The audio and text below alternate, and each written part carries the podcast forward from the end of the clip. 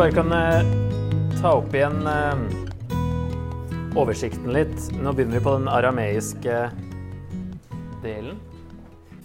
Og den statuen da, i drømmen til Nebukadnesar er jo eh, veldig viktig for det som skjer utover videre i den første rekka der. Kapittel 7 og 8 eh, spesielt. Og kapittel 11 også, da, som handler om disse rikene utover. Um, da er det jo neste år bare, 604 da, før Kristus. Og um, Det er et langt kapittel som dere har lest, så vi trenger ikke å lese så mye fra det. Men det er noen vers som, som begynner å Et tema da, som begynner å, å oppstå, og som, som, vi ser flere ganger utover i boka. Og det er det som står her i 20-22 når Daniel da har fått tydningen av drømmen, og han eh, velsignet himmelens gud, som det står. Velsignet er Guds navn fra evighet til evighet, for visdommen og styrken er hans. Han lar år og tider skifte, avsetter konger og innsetter konger. Han gir de vise visdom og de forstandige forstand. Han åpenbarer det dype og det skjulte. Han vet hva som er i mørket, og hos ham har lyset sin bolig. Og så står det i vers 44. Men i disse kongenes dager skal himmelens gud opprette et rike som aldri i evighet skal gå til grunne og ikke bli overgitt til noe annet folk. Det skal knuse og gjøre ende på alle de andre rikene, men selv skal det bestå til evig tid. Så det her med Guds rike og at Gud innsetter og avsetter, at det er han som er den egentlige kongen, på en måte, det er et kan kalle for bokas refreng. Det går igjen flere ganger. Og er på en måte en del av det hovedtemaet, da, at eh, Gud styrer verdenshistorien for å opprette sitt rike, og at hans rike er evig. Så her nevnes det to ganger i dette kapitlet. Jeg tenkte bare å gå rett på den statuen og så prøve å tolke den. Her er jo et bilde da, av statuen som blir knust av en stein, som for så vidt ser litt mer edelstein ut her da, enn en gråstein, som jeg ser for meg egentlig som bare ble løsna fra et fjell, og som kommer og treffer statuen, så den knuser. Treffer den i beina. Og nå har jeg prøvd å liksom her summere opp alle de forskjellige tolkningene på én side her. Så vi prøver å se litt på det.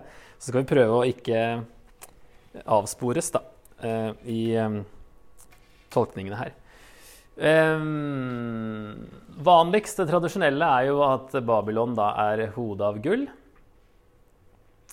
Uh, etter Babylon, så den neste delen av statuen, altså den sølv, er uh, den alliansen mellom mederne og perserne, Media og Persia, som uh, var I 539 så var de alliert, da. Så det er de to sammen som egentlig tar Babylon. Og det er det neste riket. Eh, og så kommer det greske riket under Aleksander den store. Og så kommer Romerriket som det fjerde, som beina. Um, og så begynner det å dele seg som dere ser, i tre forskjellige tolkninger. Eh, sikkert flere enn det òg, men det var de her jeg i hvert fall eh, har hørt, og som jeg eh, leste om òg i sammenhengen nå når jeg skulle forberede meg. Um, ene, hvis du tar den første til venstre, er at fordi Først er det jo riket sterkt, og så blir det svakt. Det er um, fra vers um, 41. Føttene og tærne som du så, var dels av pottemakerleire og dels av jern. Slik skal riket være delt. Det skal være noe av jernets styrke i det. Du så jo at jernet var blandet med leire. At tærne dels var av jern og dels av leire, betyr at riket delvis skal være sterkt og delvis skjørt. Slik jernet du så var blandet med leire, slik skal mennesker blande seg til én slekt men de skal likevel ikke holde sammen, like lite som jern kan blande seg med leire. Men i disse kongenes, kongenes, dager skal himmelens gud opprette et rike som aldri i evighet skal gå til grunne. Så da kommer steinen. Det er vi enige om, eh, Alle tolkningene er enige om at steinen er Guds rike, for det står ganske tydelig. Men fram til det da, så er det litt forskjellig her. Så da er den ene tolkningen at Romerriket, det sterke, den sterke delen av Romerriket, var fra 27 før Kristus til 180 80 ca. etter Kristus. Da begynte det å bli noen borgerkriger, og det begynte å bli litt for, litt for stort til å håndtere. Sånn at eh, det ble litt vanskelig å holde grensene og folk begynte å blande seg litt over grensene og, og sånne ting, som kan passe med teksten. da. Um, så da er det liksom det svake perioden er fra 180 til 476, da det ble delt i øst og vest, og vestdelen med Roma som hovedstad gikk på en måte under, selv om østdelen med Konstantinopel varte jo 1000 år til. Så det er ett syn. Uh, og i så fall da så er steinen Gud, uh, Jesu første komme. Ja, Jesus kom, og at Guds rike ble oppretta da for alvor på jorda, da Jesus kom første gangen. Um, da vil jo den komme liksom litt før det ble svakt, da, på en måte. Eller han treffer, treffer uh, statuen Det er litt sånn det er, no, det, er ikke, det er, litt pluss og minus med alle disse synene her, da. Så det passer jo ikke helt at steinen treffer eh, i beina som er svake, hvis Romerriket ikke ble svakt før 180 og utover. Uh, annen variant er da at Og det neste årstallet der da er det begge de to som har samme utgangspunkt, så det er litt sånn eh, spindelvev her. Men da er den sterke perioden helt fram til Vesterriket gikk under i 476 etter Kristus. Og så er på en måte Vesten en arvtaker av Romerriket, som, som, da stamper eh, verden og knuser og ødelegger, som det står. Eh, helt til Jesus kommer og da er det det andre komme, så da deler man det opp i første og andre komme her. Det ble oppretta under Romerriket, eh, men, men, så knuses det når Jesus kommer tilbake, og da er på en måte hele den vestlige verden en fortsettelse av Romerriket. Tredje variant av den er at eh, det er et opphold, eh, og at Romerriket har gått under. Men at det skal være et fremtidig tistatlig Romerrike, siden det her henger jo litt sammen med dyrene i kapittel 7, for der har det fjerde dyret ti horn. Så det tallet ti spiller en rolle da, i den parallellen med statuen her. Eh, da ble Guds rike oppretta når Jesus kom første gangen, og så er det en mellomperiode, og så kommer tilbake og knuser. Da. Så det er på en måte samme som den andre, bare at det er et mellomrom og ikke man ser på Vesten som Romerriket, men at det skal oppstå igjen. Og det var virkelig et tema på 90-tallet, da EU og sånne ting. Og ja, men det er jo flere enn ti land i EU. Eh, e for man så på det som et sånt gjenoppstått Romerrike. ikke sant? Men det er jo flere enn ti land. Ja, men en gang så skal det reduseres til ti land. Og da, da har vi det, liksom. Jeg synes det blir, eh, Så fort man begynner å se Jesu andre komme her, så begynner det å bli litt sånn sketchy, syns jeg. Ellers så er det ikke så farlig det, så lenge det er snakk om Jesu første komme. Og som vi har sett på før, så skiller jo ikke profetene mellom Jesu første og andre komme. Det er Messias generelt de ser, ikke sant? Um, og så den tredje her, eller hva blir det? Fjerde, egentlig. Det er egentlig den andre slash fjerde. Um, blir ofte sett på som en liberal tolkning. Og det er litt dumt. Men det har, har å gjøre med at um, de som da mener at det er ikke Daniel som har skrevet Daniels bok, det er en eller annen ukjent fyr som skrev det etter alt hadde skjedd. Bortsett fra et lite avsnitt i kapittel 11. Eh, som han da ikke fikk til. Han skulle liksom skrive ordentlig profeti, og så klarte han ikke. det er det de mener da. Så tolker man det som at da, da, må alt ha skjedd før han sitter og skriver det. Altså kan ikke Romerriket være en del av, av eh, statuen. Eh, så ofte så tenker man på det her som den liberale tolkningen, men den har mye mer for seg enn det, og er faktisk virker som den er eldre enn Romerriket-tolkningen. Så jeg skal ikke avskrive den. Og den gir mening i at hodet av gull er bare Nebukadnesar, for det er det Daniel sier. Du er hodet av gull, sier han. Og at da etter Nebukadnesar, 562, da begynte, allerede da begynte Babylon å gå nedover med de neste kongene. Og så var media på en måte begynt å bli en stormakt. Ikke like sånn verdensmakt som de andre, men plutselig så hadde de eh, makta, på en måte. da var de sterkeste fra 562 til de gikk inn i alliansen med Persia i 550. Og så blir det Persia som ble sterkere i den alliansen. De var kanskje større, jeg vet ikke. Men i hvert fall, da har vi liksom at det deler opp Media og Persia i to. Så har du Persia da fra 550 til 333. Og så du, blir det greske riket som blir det fjerde riket. Og da er det sterkt først under Aleksander den store i ti år. Og så blir det svakt når det deles mellom de her generalene, og det blir det gresk-syriske riket for Israels del, da, så er det jo det gresk-syriske som er det viktige. Den Syria-delen av gamle greske riket. Og da kommer Jesus sånn ca. Sånn 20 år cirka, etter at det, det riket gikk under. Når romerne på en måte overtok i 27 før.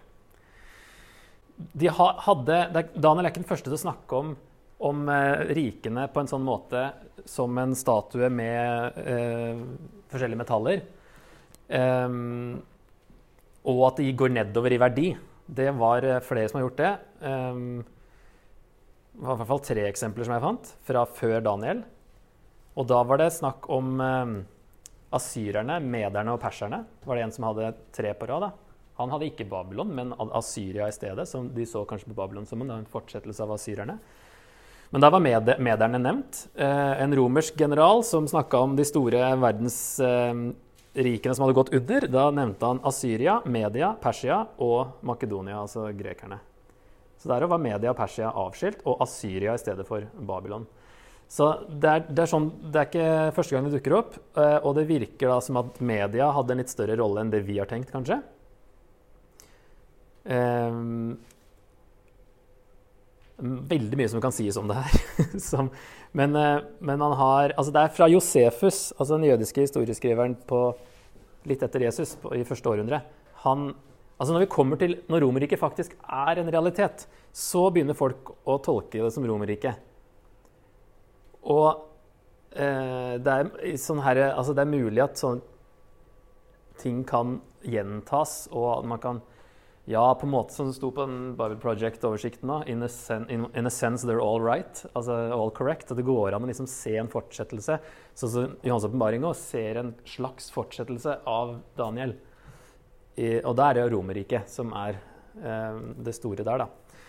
Men, eh, men, etter Josefus så begynte de å, å, tolke det som romerne. Men det er noen spor av at man så på Det fjerde riket som, som Hellas eh, fra litt før Kanskje 140 før Kristus. Så var det snakk om fire verdensriker asyrerne, mederne, perserne og grekerne. Eh, et sånn apokryf, eller sånn, ikke apokryfisk engang, men en tredje kategori som heter Fjerde Esras bok. Det er, det er skrevet eh, etter tempelet er ødelagt i år 70. Mellom år 70 og 218, visstnok anslår man da, en gang etter Kristus. Der er det en engel som sier uh, at uh, ørnen som du så komme opp fra sjøen Det er veldig sånn åpenbaring, Jans åpenbaringsstil på det. Er det fjerde riket som kom i en visjon til din bror Daniel. Ikke sant? Så er det fjerde riket her. Og så er det litt forskjellige oversettelser. Men eh, Noen oversetter det som 'Men det ble ikke forklart til ham slik jeg nå forklarer det for deg'. Vil det si at her kommer det en ny nytolkning, og nå er det romerne? I denne fjerde Esras bok. Så vil det i så fall si at i Daniel så tenkte man at det var grekerne, men nå er det blitt romerne, for nå er romerne på banen. Og at man da sier ikke at det var gudsinspirert i det hele tatt, det her er fjerde Estras, men eh, men at det eh, virker som de der kommer med en ny tolkning av det fjerde riket hos Daniel. Og denne gangen er det romerne. En annen oversettelse har eh, at det var ikke forklart til ham. Eller for, det ble ikke forklart for Daniel, derfor forklarer jeg det for deg nå. Men det ble jo forklart for Daniel, i hvert fall delvis. Ja. Så, men som dere ser, her eh, Jeg tror det viktigste det viktigste, Jeg er veldig klar over at noen syns det her er fullstendig uinteressant. Andre blir helt hekta. Men vi skal prøve å ikke bruke altfor mye tid på det. Det viktigste er Det kommer jeg til etterpå. Men vi skal ikke liksom spore helt av. Det viktigste er at Daniel ser hva som kommer til å skje. Er ikke, vi er ikke helt enige om hvordan det skal tolkes, men han ser i hvert fall at det fjerde, etter det fjerde riket så blir Guds rike oppretta. Om du ser på det som Romerriket eller Hellas, har ikke så mye å si. Hvis ikke du begynner å dra inn Jesu gjenkomst og begynner å lage masse spekuleringer. Da kan, det litt, eh, da kan det ha litt mer å si. Steinen ble til et stort fjell som fylte hele jorden. Det er det, det er det, som er poenget her. Steinen som bygningsmennene vraket, er blitt hjørnestein, snakker Salme 118 om. Uh, Jesaja 8 snakker om uh, han skal være en helligdom, en snublestein og en klippete fall for Israels to hus, en snare og en felle for dem som bor i Jerusalem. Mange av dem skal snuble, de skal falle og skamslå seg, gå i snaren og bli fanget. En snublestein og en stein som Jesus bruker begge de her om seg selv i Lukas 20. Det er veldig tydelig at Jesus er steinen. sant? Det er vi kanskje enige om, men det her er bare litt nytestamentlig eh, oppbacking på det. Og så har vi Herrens tempelberg i Jesaja 2, Mika 4. Det er fjellet som Den steinen som blir til et stort fjell, som, som går utover hele jorda her. Det er um, det viktigste i denne visjonen. Guds rike, det, altså at det kommer.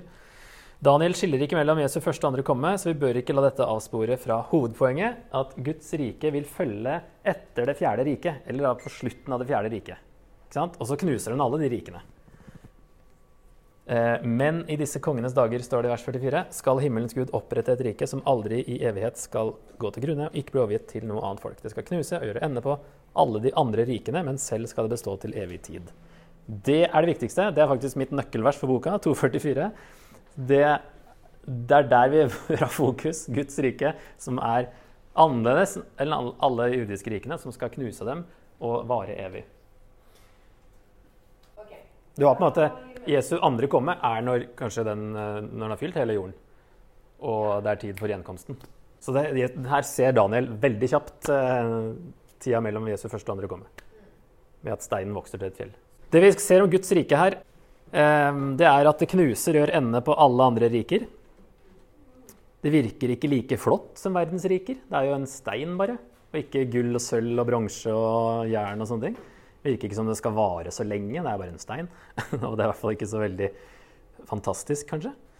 Det oppsto ikke fra noe menneske, for det står at det ikke ved at en hånd rev den løs. Du så at en stein ble revet løs fra fjellet uten at noen hånd rørte ved den. Det, det, er, eh, det, er, Gud som gjør det. Eh, det begynte smått, som en stein, men skal fylle hele jorda. Det er jo sennepsfrølignelsen. ikke sant? Der er det et frø som blir til et kjempestort tre. Eh, her er det stein som blir til et fjell, som fyller hele jorden. Skal aldri i evighet gå til grunne, men bestå til evig tid. Skal aldri overgis til noe annet folk. Det er det som skjer hele veien i statuen her.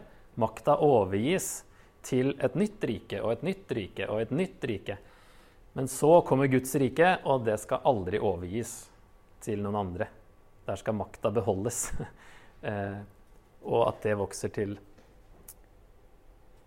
til noe som går utover hele jorden. Så her er vi, Det er jo misjonsperioden, dette når fjellet skal vokse. Så de første leserne trengte jo å vite at Guds rike er sterkere enn Babylon for de som var der, og for rikene som fulgte etter for de som var der. Um, og de ville jo få vite at det kom til å komme flere riker etter Babylon før Guds rike ville komme. Så da mens de lever i et annet rike, så måtte de huske på hvilket rike de egentlig tilhører. Vi må bare ta eh, to minutter på dette her. da. Hvordan leve som en borger av Guds rike ut fra kapittel to. Nå har vi jo sett litt på Guds rikes natur akkurat nå, hvordan bildet brukes her.